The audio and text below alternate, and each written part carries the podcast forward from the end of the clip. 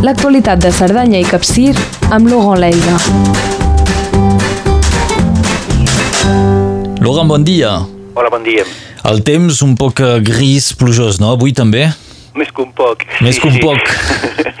sí, sí, fa, fa, bé, tota la setmana ha, ha, ha sigut així i amb, amb pluja, molta pluja, eh, amb xàfecs bastant importants. Això va ser eh, el programa d'aquesta setmana i, i també doncs, eh, neu a 2.200 metres i avui serà una mica millor, sí, una mica més eh, eh, de sol eh, i menys núvols, però demà tornem a tenir eh, tempestes eh, bastant importants i, eh, i la setmana que ve igual. Eh, doncs eh, el que hi ha és que plou, sí, però fa una mica de fred i ahir eh, pensàvem que ens trobàvem més al mes de novembre que un mes de, de juny i doncs eh, vet aquí doncs molta pluja, eh, la, la Cerdanya és molt verda, eh, sí, i potser una mica més de calor per tenir eh, eh, doncs una mica més de, de bolets.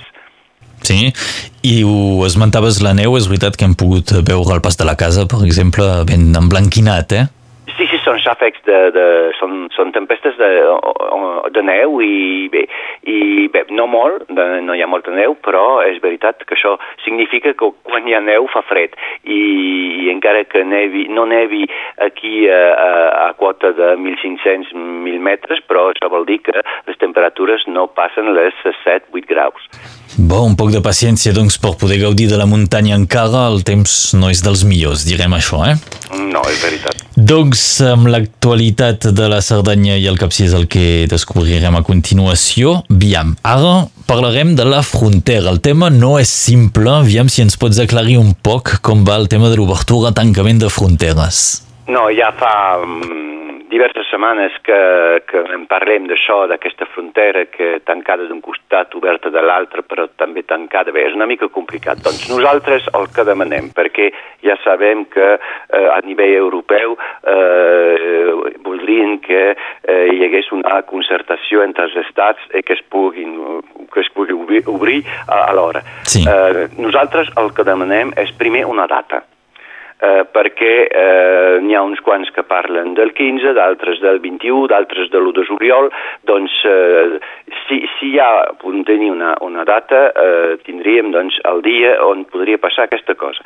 Després, l'altra cosa és que hi ha el cas de Llívia, que és particular, eh, i a, a Mestabar el que anomenem, eh, de, demanem perdó, és eh, obrir aquest pas eh, fronterer perquè de tota manera això no augmentaria eh, el, el nombre de cotxes eh, perquè poden passar per Ro, eh, doncs eh, la frontera no està tancada eh, per, per eh, passar per Llívia, eh, però eh, facilitaria la vida de la gent eh, perquè ara eh, no hi ha motiu perquè sigui tancat. I després, doncs, és la frontera-frontera eh, a la Guingueta, etc. perquè eh, veiem que tot això comença a ser molt complicat per la gent que vol passar d'un costat i de l'altre per motiu de feina, sobretot, eh, abans de parlar de turisme. Eh, perquè quan parlen de- d'obrir eh, les fronteres al nivell estatal, que sigui a Madrid o que sigui a París, ells eh, parlen només de turistes i la gent que viu eh, a un lloc transfronterer, eh, bé, no, no se'n preocupen i ni saben del que va. I, I és veritat que això comença a, a fer que la gent eh, es posi una mica nerviosa. I s'entén, s'entén, eh? la gent que viu en aquest sector i que es troba amb... Sobretot el, el problema és això, que no hi hagi realment una decisió clara, una data fixa. Sí, de tota manera, eh, si des del principi havien dit eh, serà eh, a aquesta data punt, eh, i, el, i, i sobretot els dos, país, els dos països junts dient, bé, obrirem el, el no sé, el, el 25 o, o fins i tot l'1 de juliol, bé, tothom sap que és l'1 de juliol, punt. Però aquí eh, veiem que eh, no, no és cert tot això i, i, i a més perquè poden passar eh, per motiu de feina, uns quants poden passar, d'altres no poden passar, això depèn de la persona que hi ha, això depèn de, dels policies nacionals.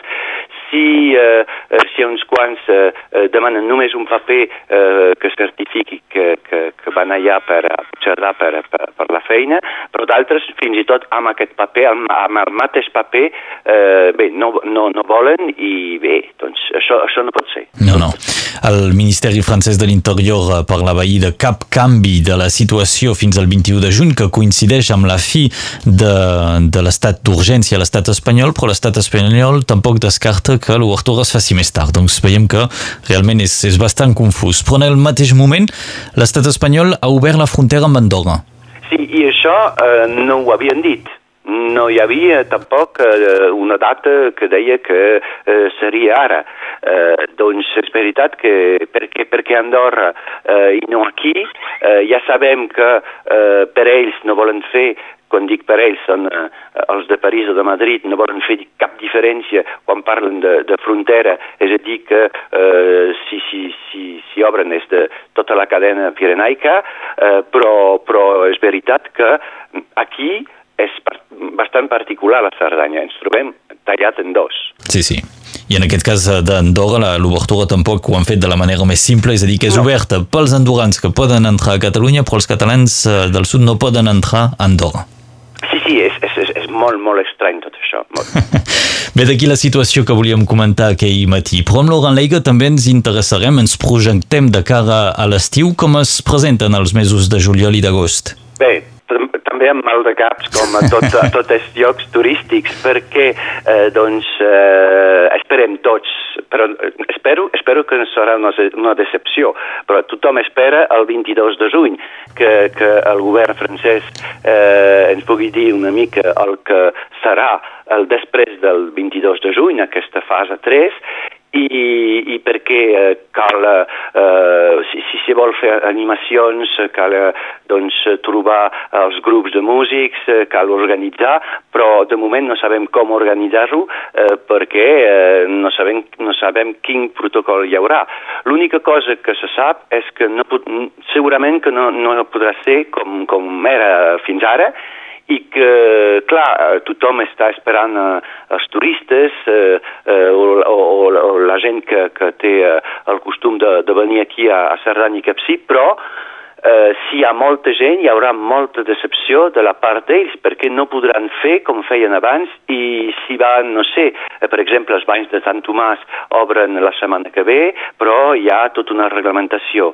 Si, bé, excepte la part de natura que espero que no, no hi hagi eh, moltes restriccions, a la resta hi haurà restriccions. I doncs si hi ha molta gent eh, serà una frustració per uns quants perquè no podran fer o caldrà fer cues o... Bé, això, això caldrà també comunicar sobre això. Cal que vinguin, sí clar, per això el turisme ha de funcionar, però no podrà ser com abans. I pel que fa a totes les animacions, les festes que hi ha aquí, Bé, eh, a, a, a, a l'inversa de, de, de la plana del Rosselló hi ha moltes coses que he vist que s'havien cancel·lat. Aquí, de moment, no s'ha cancel·lat moltes coses, eh, però estem a l'espera de a veure si es, es cancel·len, si es fan, si es fan a mitja, eh, etc. I per tots els pobles, els organitzadors, els, les oficines de turisme, etc., és una mica complicat. Doncs ho caldrà tenir present per aquest eh, estiu. Podem anar a gaudir de la muntanya, però evidentment amb mesures que seran particulars. Amb tu, Laurent Leiga, també parlarem del balanç dels estudis durant el confinament al Liceu de Font Romeu.